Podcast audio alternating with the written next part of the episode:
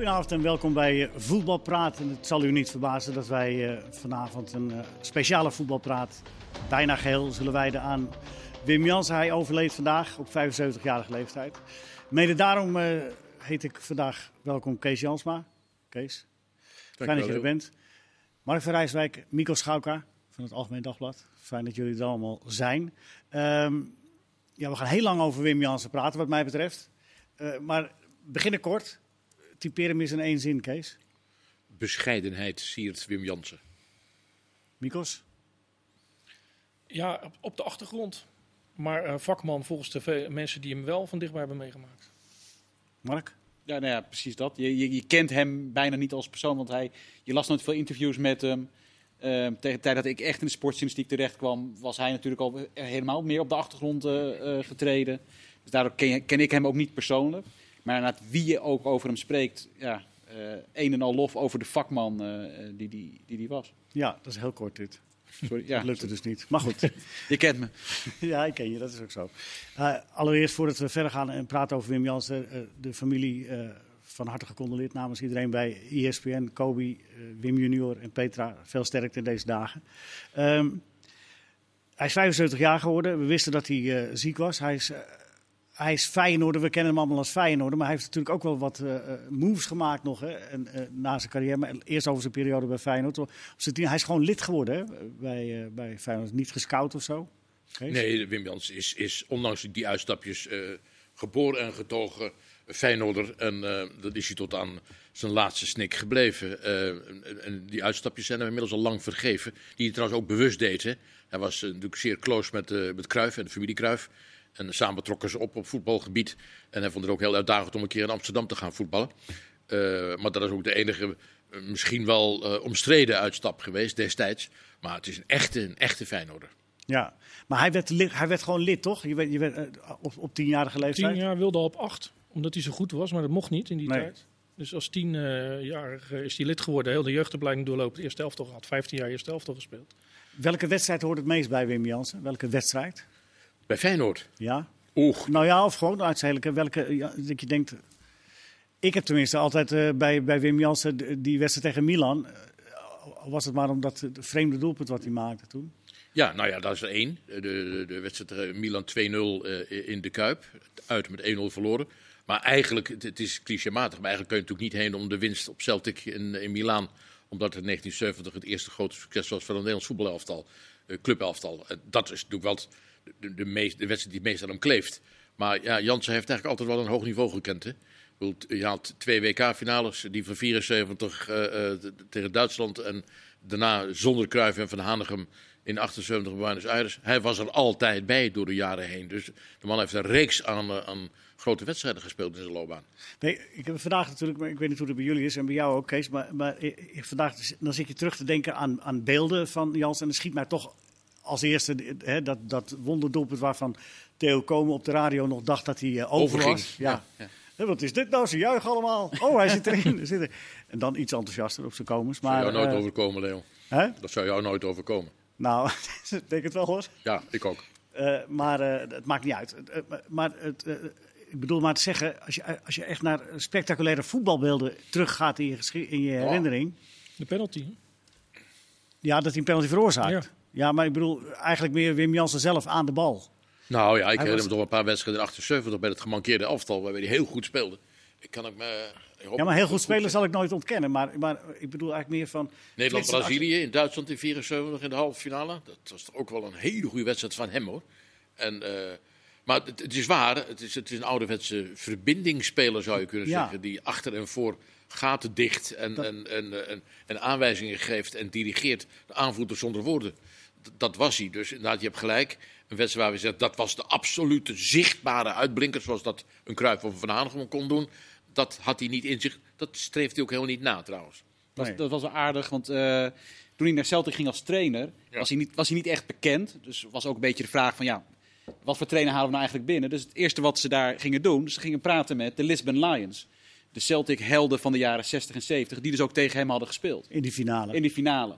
Uh, en die zeiden uh, allemaal, ja, in de voorbereiding op die wedstrijd ging het voor een heel groot gedeelte over Wim Jansen. En dat hebben we ook gezien, hoe goed die was, hoe belangrijk die was voor Feyenoord.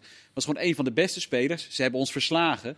Was een ongelooflijk goede voetballer. En daarmee verdiende Jans eigenlijk automatisch ook al het respect als trainer. Want als de Lisbon Lions in Glasgow met respect over je praten, dan heb je uiteraard alweer wat gewonnen. Dus die kwam daar al binnen als een grote meneer door hoe hij als voetballer was. En dat zou je dan inderdaad bijna vergeten, hoe goed hij eigenlijk was. Ja, maar wat maakte hem nou zo goed? Je zei het al, verbindingsspeler. Nou, waar hij, waar die, uh, onderschat werd, vond ik, is zijn eigen technisch vermogen.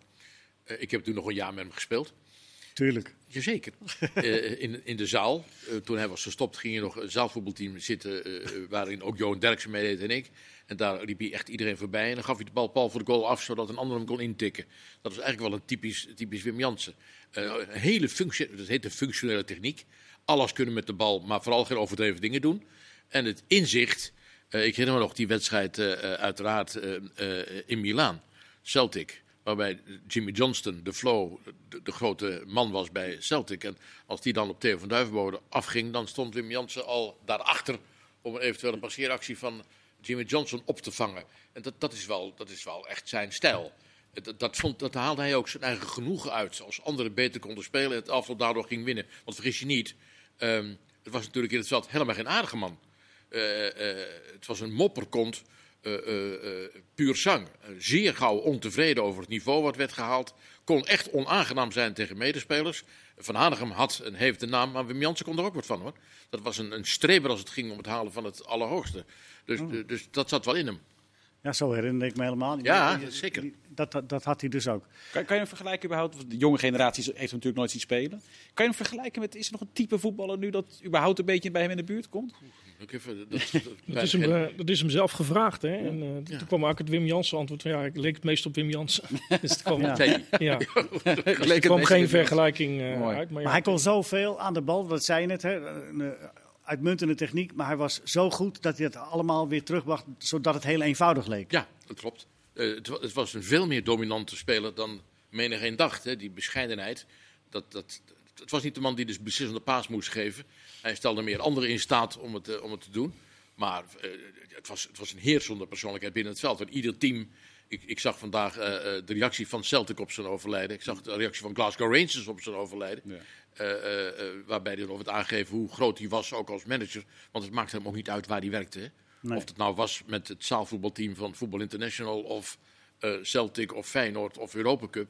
het ging altijd over het ging altijd over voetballen. Hoe moet je spelen? Hoe moet je je gedragen? Hoe moet je je bewegen? Dat is hij van het begin tot het eind van zijn loopbaan mee bezig geweest. En wat zei de, de Rangers? Want hij heeft uh, ze persoonlijk, hè, als trainer van Celtic, dat de evenaring van het uh, tien acht keer achter elkaar kampioen worden door de neus geboord. Nou, die hebben uh, aangegeven op Twitter dat de, de voetballerij een, een legende is verloren. En ja, dat past wel een beetje bij zoals dat hoort bij, bij de Schotse traditie van, uh, van het voetbal. Maar het was toch mooi om te zien. Nou, ja. En in één jaar, hè, dat, dat, dat, hoe die snel die is, bij, ook bij Celtic een legende is geworden. Niet nogmaals in de orde van de grootte van de, de, de, de Lisbon Lions. Maar in één jaar tijd, hij heeft inderdaad die tiende titel voorkomen van Rangers. Hij heeft er heel veel voetbal in gebracht. Ja, want even, even voor de duidelijkheid. Celtic heeft het record tien keer achter elkaar kampioen. Negen jaar, precies. Juist niet de tien, inderdaad. Ja, en uh, dat zou... Uh, Rangers daar overheen gaan. Precies. En dat, dat, was niet de bedoeling. Nee, en dat heeft Jansen dat jaar voorkomen, dat hij één jaar dat hij uh, manager was. Maar hij ging ook meteen weg na het ene jaar, ondanks die titel. Was dat ook typisch Wim Jansen trouwens? Om, want hij, hij, hoefde daar helemaal niet weg, maar hij, hij kreeg mot met de leiding? Of, ja. Ja, is hij altijd zo eigenzinnig geweest? Als nou ja, dat, volgens mij wel. Kees weet dat waarschijnlijk beter. Maar als, als het hem niet beviel, dan, uh, dan was hij ook weg. Hij is natuurlijk ook met Verbeek meteen uh, opgestapt. Hè, toen, toen hij zich solidair verklaarde met Gert-Jan Verbeek. En ja, bijvoorbeeld die stap naar Ajax is natuurlijk ook best een eigenzinnige ja. stap geweest. Het was hem wel een beetje opgedrongen omdat hij natuurlijk bij Feyenoord niet met het eerste mee mocht trainen toen hij uit Amerika kwam. Maar ja, ja nou, zat het hem in zoiets kleins? Volgens mij wel, ja. Dat hij, daar, uh, dat hij dacht dat hij toen hij terugkwam dat hij met de groep mee zou kunnen trainen en dat er eigenlijk geen sprake van was. En toen kwam natuurlijk uh, Cruijff om de hoek kijken en zat hij zo in Amsterdam. Ja, ik vind het woord eigenzinnig wel heel goed, uh, heel goed, want dat is hij.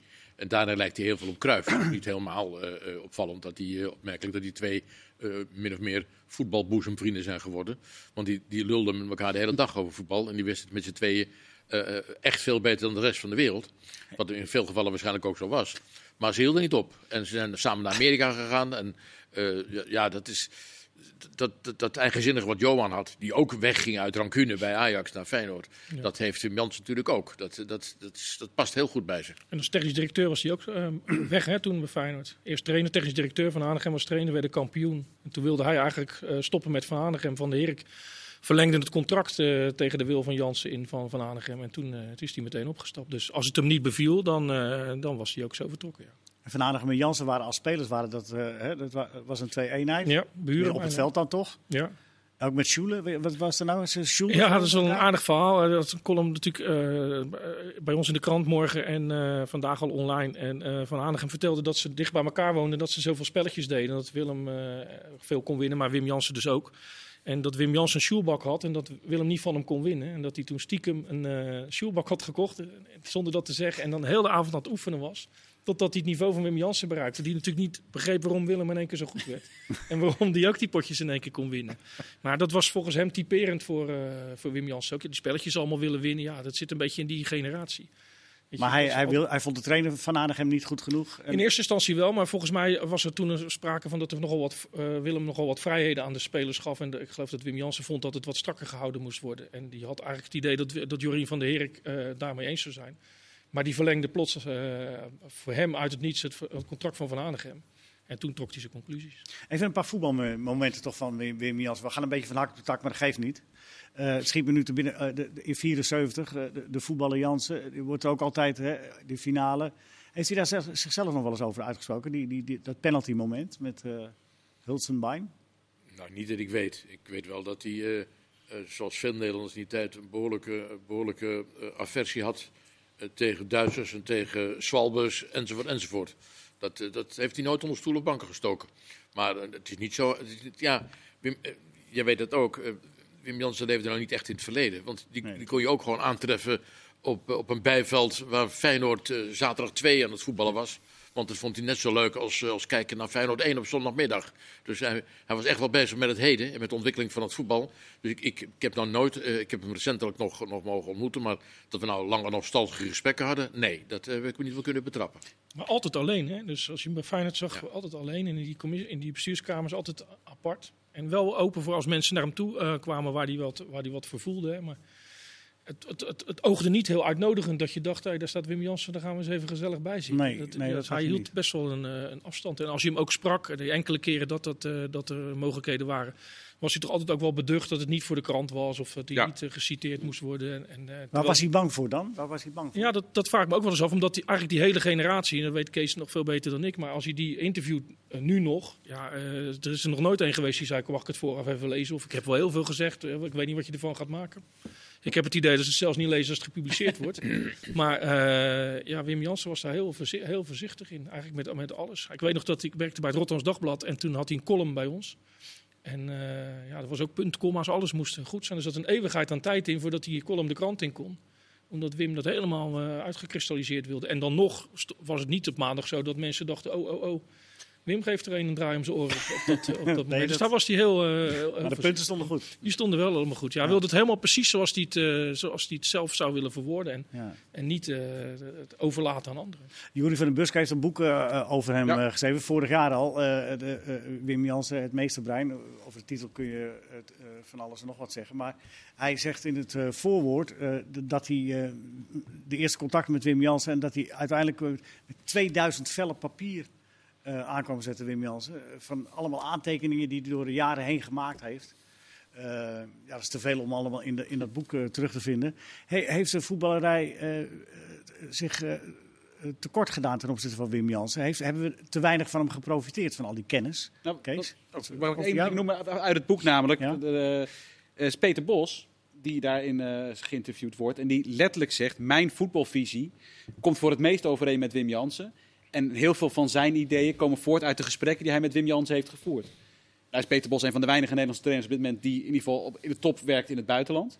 En dat ook heeft gedaan. En die zegt letterlijk dat eh, zijn voetbalvisie voor een heel groot deel gevormd is door Wim Jansen. Dus ja, en er zijn natuurlijk niet heel veel trainers eh, die een visie achterlaten bij een volgende generatie. En een boven- bovendien een volgende generatie die dan ook nog vrij succesvol is. Ja. Het mooie is wel, toen Ja. hij het bij Feyenoord overnam, hè, in die eh, HCS-periode, dat Feyenoord 11e stond, Bengtson, Verbeek, die periode, je, je, je kent het wel, het was op zijn gat, toen heeft hij het overgenomen. Maar, maar toen ging hij juist eh, helemaal van achteruit opbouwen. Hè. Feyenoord kwam eh, niet of nauwelijks nog over de middenlijn in die, in die tijd. Zorgde dat ze de nul haalden. Ze haalden toen de halve finale van de Europa Cup. Terwijl ik heb Peter Bos natuurlijk wedstrijden zien spelen met eh één trage verdediger nog op de middenlijn en de rest stond Ja. voorin. Dus in die, in die eh, als je het zo bekijkt, zijn die visies niet eh, gelijk. Maar ik denk dat hij het vooral heeft over de manier van opleiden. En wat De theorie van Jansen was anders dan de praktijk toen bij Feyenoord. Ja, toen was kon hij misschien niet anders. Hè. Nee, Hij dat- wilde, dat, hij zei wilde ook- iets. dat zei Peter was ook. Toen ging ze gewoon met drie man achterop Ja. spelen. Eh, drie man in het centrum. Dat moest ook wel op dat moment om succes te hebben. Ja, Eh, maar gewoon met uit alle gesprekken, eh, hij hebt over spelprincipes, eh, dan zegt hij dat ligt ver uit het dichtst bij hem. Ja, en het opleiden van jeugd, want daar had hij een hele duidelijke visie in. Die, die, die vaak haak stond op wat de KNVB wilde. En hij, ja, hij was heel duidelijk in hoe die eh, jeugdspelers bijvoorbeeld zo jong mogelijk al bij de club, hè, waar nu eigenlijk een beetje aversie tegen is, niet Ja. te snel weghalen. Bij hun, eh, bij hun eigen club nog bij eigen school laten zitten. Wim Jansen vond vanaf zes jaar, dan Ja. konden we zoveel mogelijk leren in de jeugdopleiding bij de grote clubs zetten. En dan uiteindelijk komen daar grote voetballers uit voort. Trainer, trainers als Happels, hè, als Happel en Michels, die hebben geprofiteerd, hè, zeggen we, door de geschiedenis heen van mensen als Van Aardigem en Cruijff. hebben ze ook geprofiteerd van Jansen. Ja, dat is een feit. Maar kijk, eh, sowieso hebben die trainers geprofiteerd van het feit dat er telkens een hele goede, eh, go- goede generatie lichting voetballers was. Hè? Want het middenveld met Nees, Zwanigem, Jansen, ja, dan kun je als trainer wel je vingers aflikken. Dan hoef je niet zo gek veel meer te doen hoor. Maar was Jansen, bedoel ik eigenlijk te zeggen, er ook eentje die in het veld dingen Ja, nee, zeker. En- Zeker, de- zeker. Het is een, eh, eh, eh, waar hij zo bescheiden was, daar begonnen we mee. Buiten het veld, wat Mikkels net ook aangeeft, daar is hij in het veld altijd dominant geweest. Je hoorde hem ook met die wat hogere stem, ook piepen in het veld. Van links, rechts, eh, aansluiten enzovoort enzovoort. Dat, dat, dat kan ik me nog heel goed voor de geest halen. Dat, en dat was hij ook af en toe wel eens, dat zei ik al, als een mopperkont. Als je niet deed wat je volgens hem kon, dan was hij echt wel behoorlijk genadeloos. Hoor. Zoals die profvoetballers in die generatie ook waren hè, voor elkaar. En, eh, dus ik zei het al, buiten het veld eh, geduldig, schuw als het ging om de media-aandacht. Maar binnen het veld was het, was het een, een- behoorlijke, behoorlijk voetbalbeest. Hoor. Om, dat, eh, om dat cliché maar te gebruiken, was hij, was hij behoorlijk leidinggevend en dominant. Voor wat voor voetbal stond hij Als trainer of als, als speler? als, als trainer? Eh, welk, wat is zijn filosofie? Nou ja, ik, als, als je dus het voorbeeld erbij had van toen hij bij Feyenoord oppakte, was het in ieder geval realistisch. Hè? Je hebt natuurlijk veel trainers die, die, eh, ja, de moeten en zullen aanvallend voetbal spelen. Maar hij heeft het bij Feyenoord toen met Vrezen, de Wolf, echt van achteruit eh, opgebouwd. Maar ik denk wel dat uiteindelijk de Hollandse school, zoals we het allemaal zo mooi noemen, dat dat wel eh, zijn ideaalbeeld was. Dus de manier waarop Feyenoord eh, in de jaren 70 speelde, het oranje van 74, dat dat wel het, het voetbal was wat, hij, wat hem voorstond. En ik denk ook dat ze de, in de jeugdopleiding daar wel bij Feyenoord natuurlijk, even, eh, het is allemaal geëvalueerd sinds die jaren, maar dat ze ook op die manier wel wilden spelen. Met, met attractieve buitenspelers, met, met middenvelders die dynamisch waren, die van, van plek kunnen wisselen. Dus dat wel, maar, maar dus ook als hij bij een team binnenstapt wat elfde staat, niet vol op de aanval gaan spelen om, eh, om de boel eerst op de rit te zetten. Een van de kwaliteiten van Jans is volgens mij ook, eh, wat ik zo uit jouw woorden ook hoorde, en ook van Mikos, is dat hij ook ongelooflijk wist wat hij kon en wat hij niet kon. Dus hij was zo'n goede voetballer dat hij bereid was om in dienst van anderen te voetballen, omdat dat beter was voor het elftal. Ja, maar hij was ook wel overtuigd van zichzelf hoor. Het is niet zo dat hij bij zichzelf twijfelde van kan ik het niveau wel aan. Hij was echt wel overtuigd Nee, dat hij tot de beter van de wereld behoorde. Daar was hij wel van overtuigd hoor. Eh, maar maar eh, ja, hij kon zich uh, ogenschijnlijk wegcijferen. Ja, ogenschijnlijk. Maar in ieder elftal, als je die wedstrijd nog terugkijkt, speelt hij die belangrijke rol. Ik schoot me net die wedstrijd tegen Brazilië te binnen. Wat een toch een fenomenale historische wedstrijd was. in, waar was het? Die 2-0 overwinning. Nou, daar speelde hij een rol.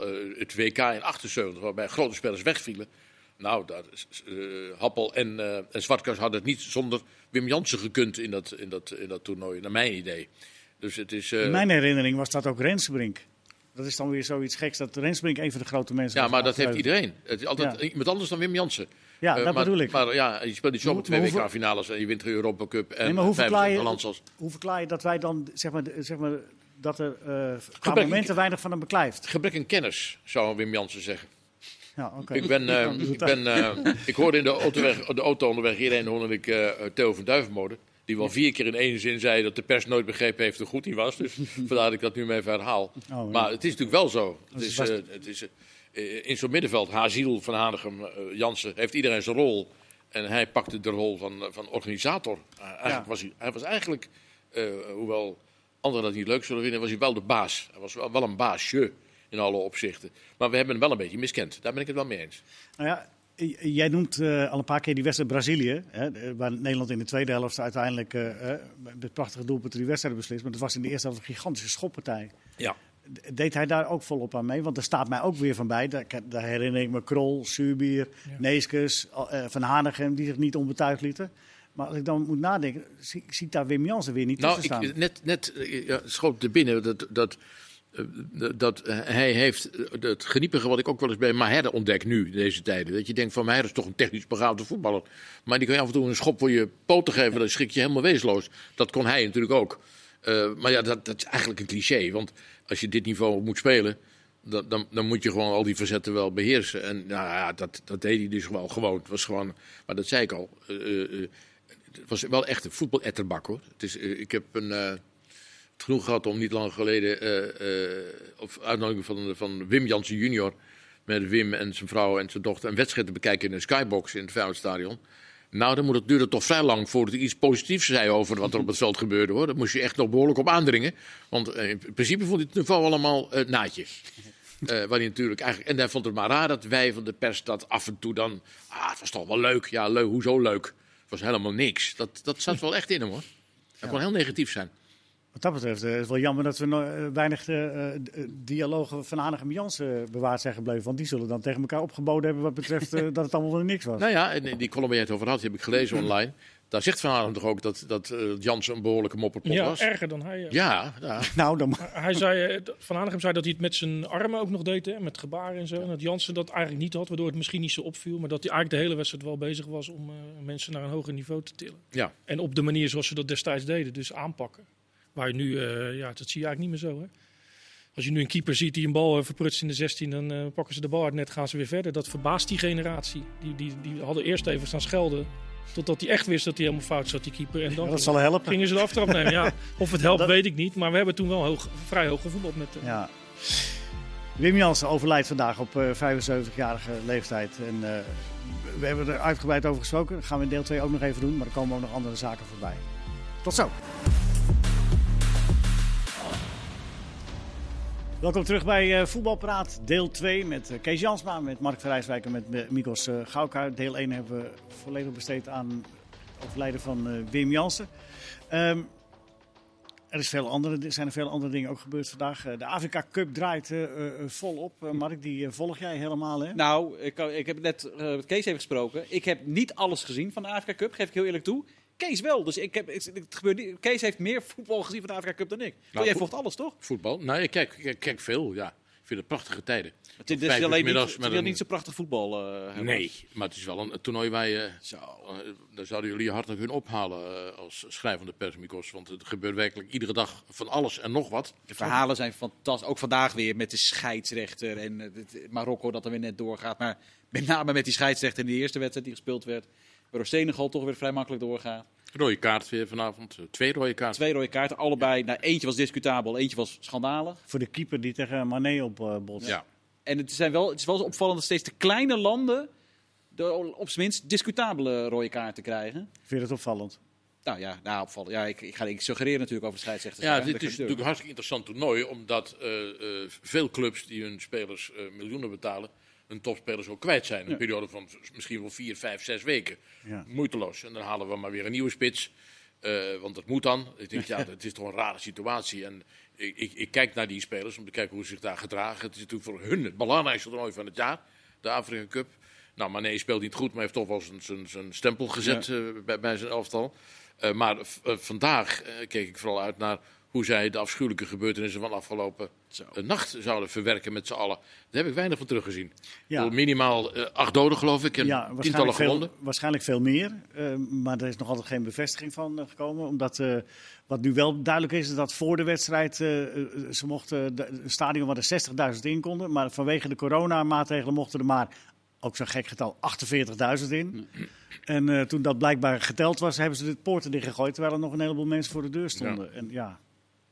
Toen Ja, maar is dat is er wat Kees zegt. Er er was geloof ik 10 seconden stilte eh, Ja. en, dat, en dat was het. Dat Ja. echt. En dat is, deze Afrika Cup, het voetbal is niet geweldig, maar de verhalen.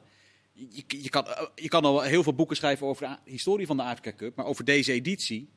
En, ja, en dan eh, met name de topspelers. Want ja, wat je zegt, Liverpool, die mist natuurlijk ook nog Salah. Ja. Maar dan zie je ook, als Salah in de ploeg komt, die eigenlijk volgens mij geen idee hebben hoe ze hem goed moeten gebruiken, dat hij dan ook veel minder tot zijn recht Nou, komt. datzelfde geldt voor Mané, Ja. die ook nauwelijks wordt aangespeeld. En niet op de manier waarop je hem zou moeten aanspelen in ieder geval. Nee, Dus- maar wat, wat, dat is ook voor- eigenlijk wel een cliché, maar wat we allemaal weten is dat het voetbal in Afrika erg hard is. Zo. En dat is nog steeds eh, het geval. Dat was eh, twintig Ja. jaar geleden zo. Maar ze schoppen elkaar nog steeds vrolijk lachend onder de groene zoden. Ja, dat was na Het is- 10 seconden het toernooi al duidelijk. Hè? Dat Ja. was een, een verschrikkelijke overtreding. Maar het was opmerkelijk dat Mané doorvoetbalde eh, vandaag. Die viel lelijk. Ja, want je, je ziet bij het neerkomen dat hij, dat hij, hij valt gewoon zo met zijn hoofd op het gras. Dus Hij is gewisseld uiteindelijk. Hè? ja, maar hij heeft nog wel eerst een doelpunt gemaakt. Ja, Nog zeker. Wel even doorgespeeld. De Brobby van eh de. Ja, maar goed, als je knie, dan ben je in ieder geval nog bij bewustzijn. Maar met je hoofd. Maar ja, weet je, je kunt over die, die hele internationale voetbalkalender kun je allerlei wijsheden de- de- te- te bedden brengen. Maar het slaat ook helemaal nergens op dat, dat spelers hele dure spelers aantrekken, clubs hele dure spelers aantrekken. En die gewoon hupsee midden in het seizoen, eh, met alle respect voor de Afrika Cup, ze zijn gewoon zes weken weg. Ja. En, eh, en eh, ja, het- het- ik, ik blijf dat een hele rare, kromme situatie vinden. Hoor. Maar het feit dat jij zegt met alle respect voor de Afrika Cup, dat je die zin bezig. mm, Dus eigenlijk niet. Je vindt het eigenlijk belachelijk dat Nee, nee, ik, spelers ik daar... vind dat er moet oppassen. Ik, wij- wij- ik zit wel eens met, met mijn zoons te kijken en dan liggen we af en toe in een deuk op wat er op het veld gebeurt. Maar voor hen, voor de Afrikanen, is het natuurlijk wel gewoon een geweldig groot toernooi. Ja. Alleen dat moet beter worden afgestemd. Nu, nu, willen ze geloof ik eh, eh, één keer in de twee jaar een wereldkampioenschap voetbal organiseren. Ja. Nou, moet je je voorstellen hoe die kalender dan eruit gaat zien. Het slaat allemaal nergens op. Dit is natuurlijk een merkwaardige overkill.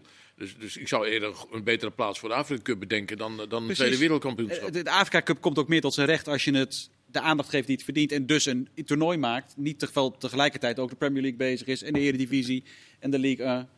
Want als je de spelers ziet, Hakimi die maakt vandaag even op weergaloze wijze echt de winnende voor eh, Marokko. Mbappé zag net een tweetje. Beste rechtsback ter wereld, Hakimi. Ook voor de huidige rechtsback van Paris Saint-Germain leuk die hem eh, even mocht vervangen. Die, is in ieder geval, die weet ook weer wat- zijn plek is. Maar als je dat soort het niveau is er bij een deel van, het toernooi. Alleen ja, het, het, zit er gewoon. De ka- kalender technisch is het gewoon eigenlijk niet te doen. Nee. Maar er blijft natuurlijk ook nog een hoop niet in orde voor een, voor een, toernooi dat een dergelijk grote eh, naam wil hebben. Hè, dus je kijkt naar de arbitrage, je kijkt naar, eh, naar de velden en zo. En dergelijke. Of moeten wij daar niet naar kijken? Daar moeten wij Nee, dat moeten wij niet doen, want ik eh, staaf- heb ook nog een hele discussie over de arbitrage bij PSV eh, Ajax zondag. Dus Ja, vertel daar eens wat meer over. Ja, die komt ook iedere week terug, die discussie over Nederlandse scheidsrechters. Laten we nou niet te vooral naar de buitenlandse gaan kijken. En bij de EK-finale probeerde ook eh, de Engelsen het stadion in te, in te komen, hè, zonder kaartjes. Zo, daar heb jij Had gelijk. net in, zo ja. goed eh, af, eh, verkeerd kunnen aflopen. Ja, nee, dat is, heel- dat is helemaal waar. Nou, het is leuk om Onana te zien bijvoorbeeld, die nog steeds geen overtuigende indruk maakt, maar hele goede reddingen afwisselt met hele rare dingen. Dat Vrij die, trap, jongen, die vrije trap kon hij niet hebben. hè? Eh, nee, nee, die zat erin. dat die jongen van Comoren die bal een meter of dertig van het doel legt Ja. en denkt, nou daar staat Onana, daar Ik, komt hij. ik probeer het Ja. wel even. Ja, en, eh, hey. Ja. en, hoe, en, en, en, dat de derde, dat de rechtsback eh, de, gewoon de, de standaard de doelman is in de wedstrijd. Ja, dan- verhalen zat. Ja. Hartstikke leuk om naar te kijken. Morgen om vijf uur Ivoorkust Egypte. Ja, ik moest denken aan eh, de jaren 70 toen eh, bij de Europese wedstrijden, eh Europa Cup wedstrijden, geen reservekeeper op doel, oh, er maar één wissel was. Dat dan op papier moest je dan een veldspeler als wisselspeler, als keeper aangeven. Hoe oud ben jij eigenlijk? Maar dat was Cruijff was de reservekeeper Oh, bij, bij Ajax. Nooit, nooit in actie hoeven komen trouwens, maar goed.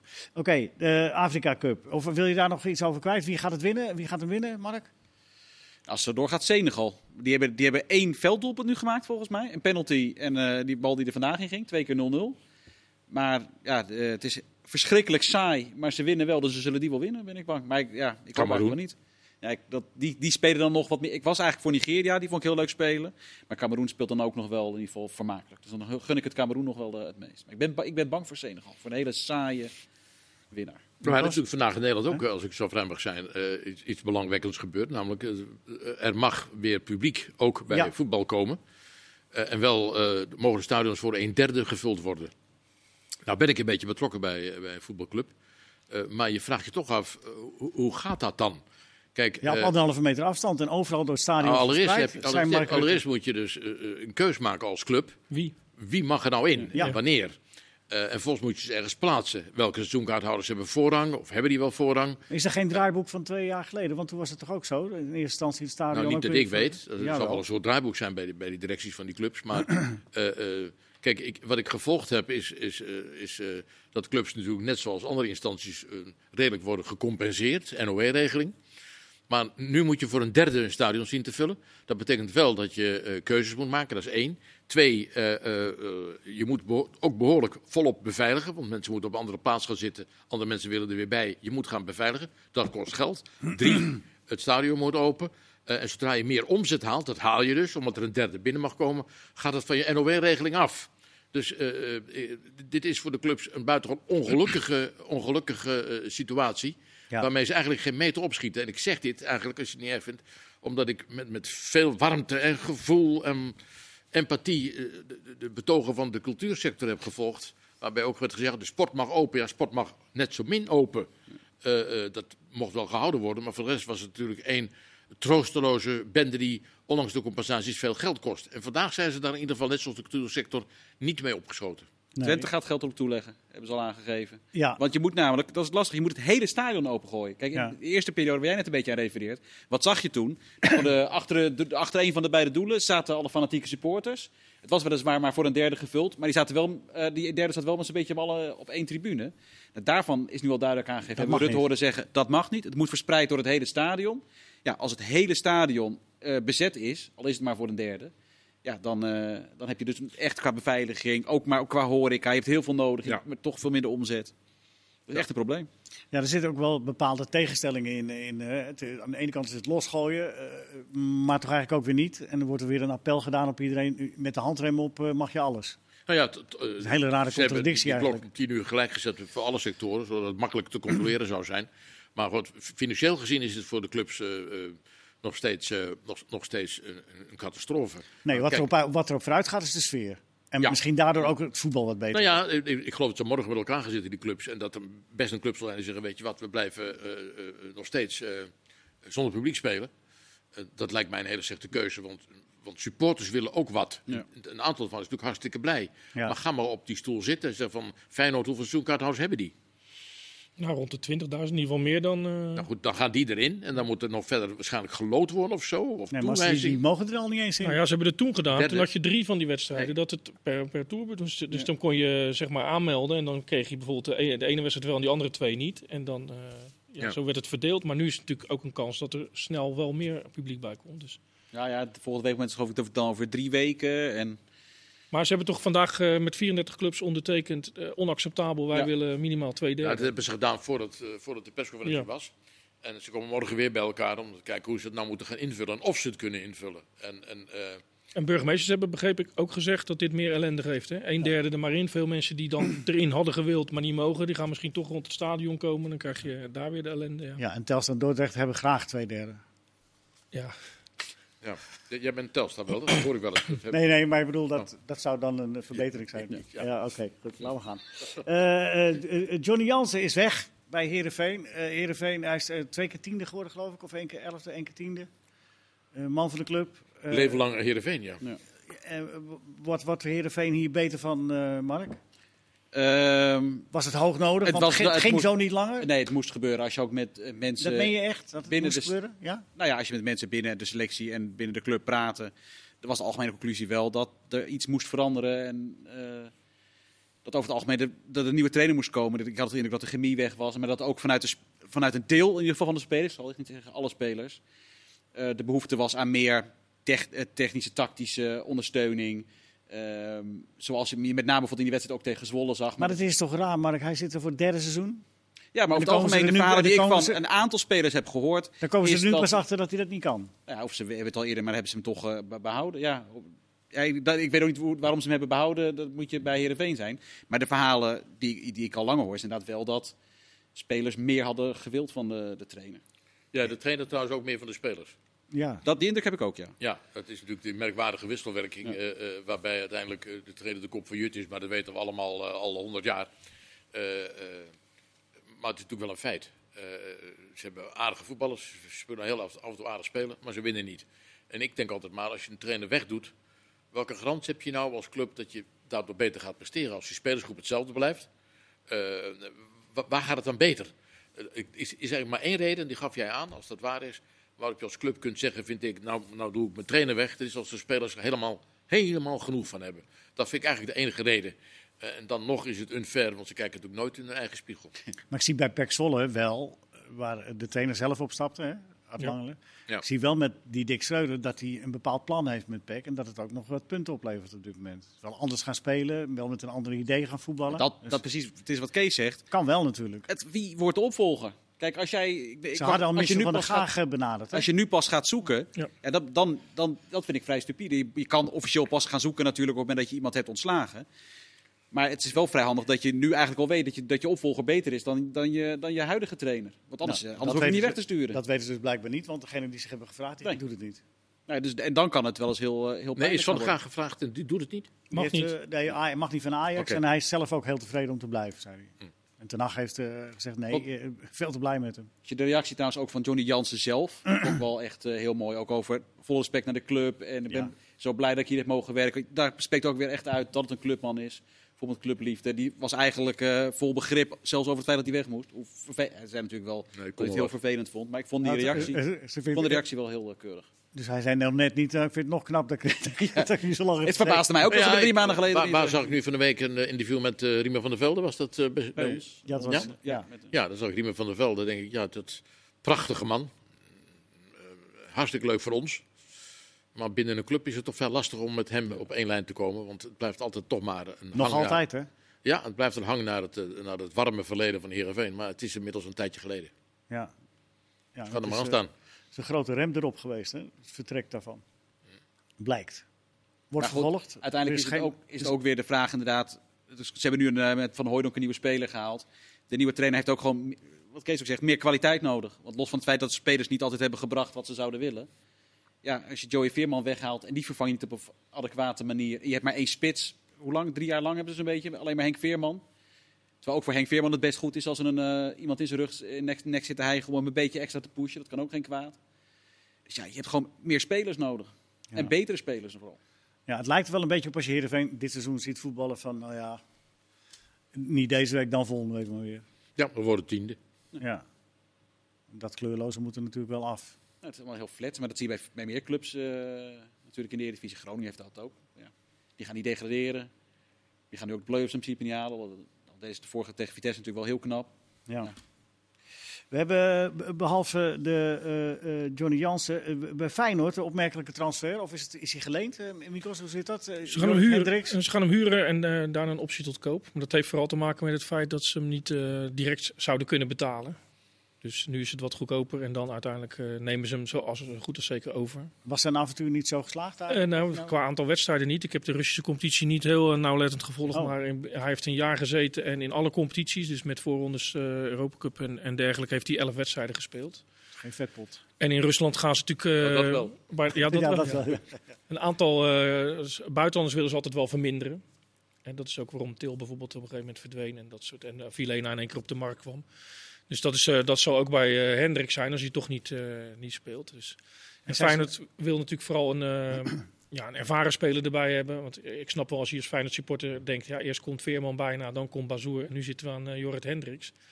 Dat is, een heel andere, dat is een hele andere categorie. Maar zij zoeken natuurlijk vooral een speler die ze op het middenveld in kunnen zetten als het nodig is. Die- waar ze niet van hoeven te twijfelen of hij het niveau aan kan. Nou ja, daar kan je van uitgaan. Hij heeft bij PSV veel gespeeld, zelfs het Nederlands zelf nog gehaald.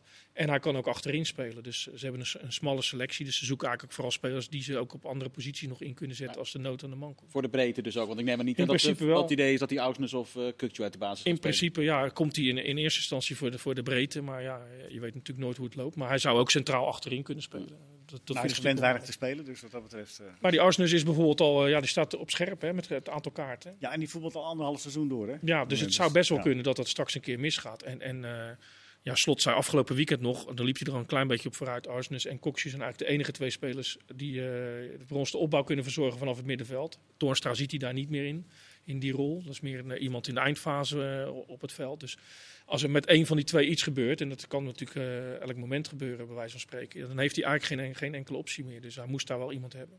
Maar Hendricks dan? Mikos. Hm? Jorrit Hendricks. Eh, met alle respect, dan komt het clichétje weer. Jorrit Hendricks maakt PSV, die gaat naar, eh, naar Rusland, die gaat daar veel geld verdienen. Die komt nu naar Feyenoord. Ja, Ik vind het bijna onvoorstelbaar.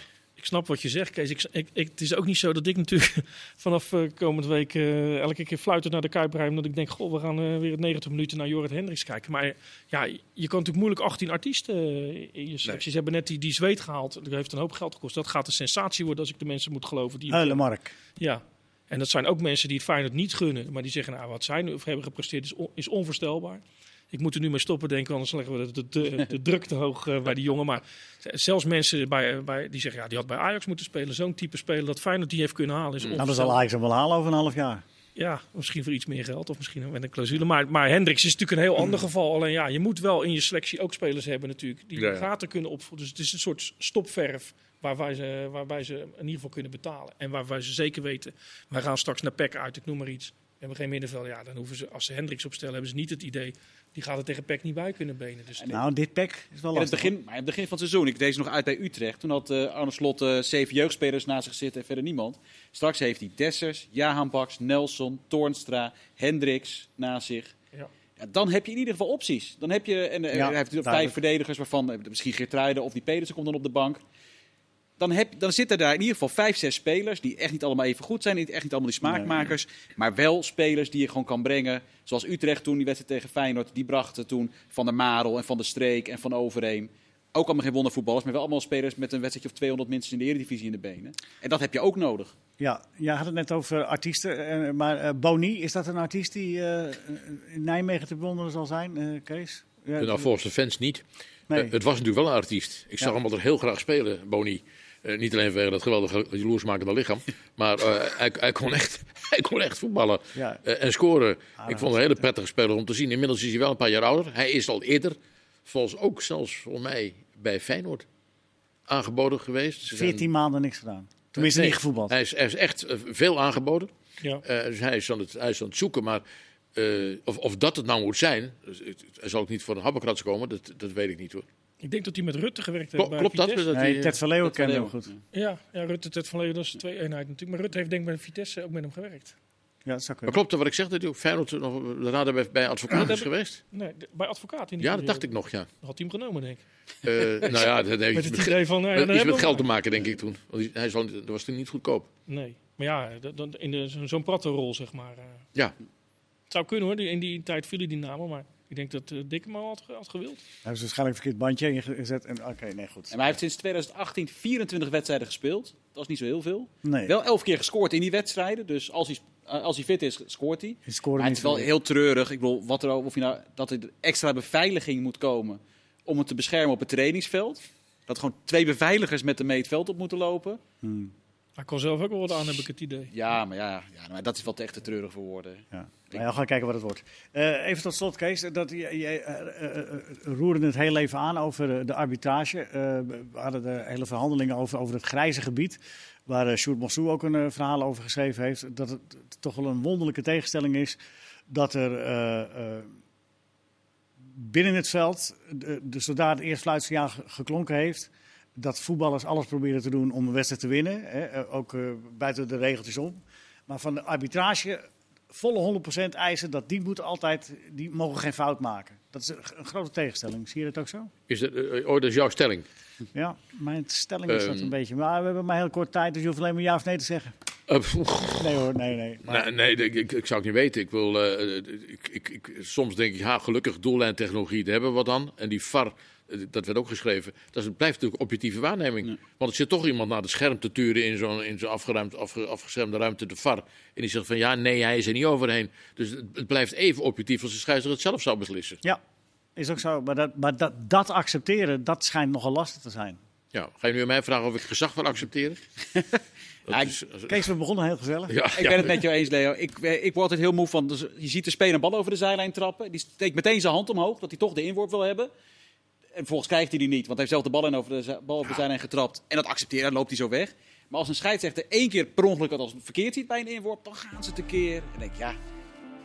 Je, hoeft niet met, je kan ook een beetje normaal doen met z'n allen naar die scheidsrechters. En met deze stichtelijke woorden Ja, dat bedoel ik. eindigen we deze voetbalpraat, deze gedenkwaardige avond. Kees Jansma, hartstikke bedankt. Fijn dat je er was. De gelegenheid, de aanleiding was eh, niet Ja, zo'n eh, fijne, maar eh, fijn dat je was. Mikos, hetzelfde geldt voor jou. Dankjewel. Mark. Toch ook.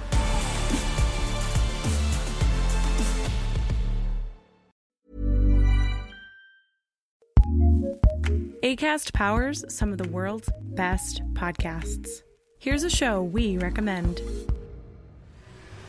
I'm Elsie Granderson. And I'm Will Leach. Every week in the long game, we look at the biggest stories in sports and how they affect the world of culture and politics.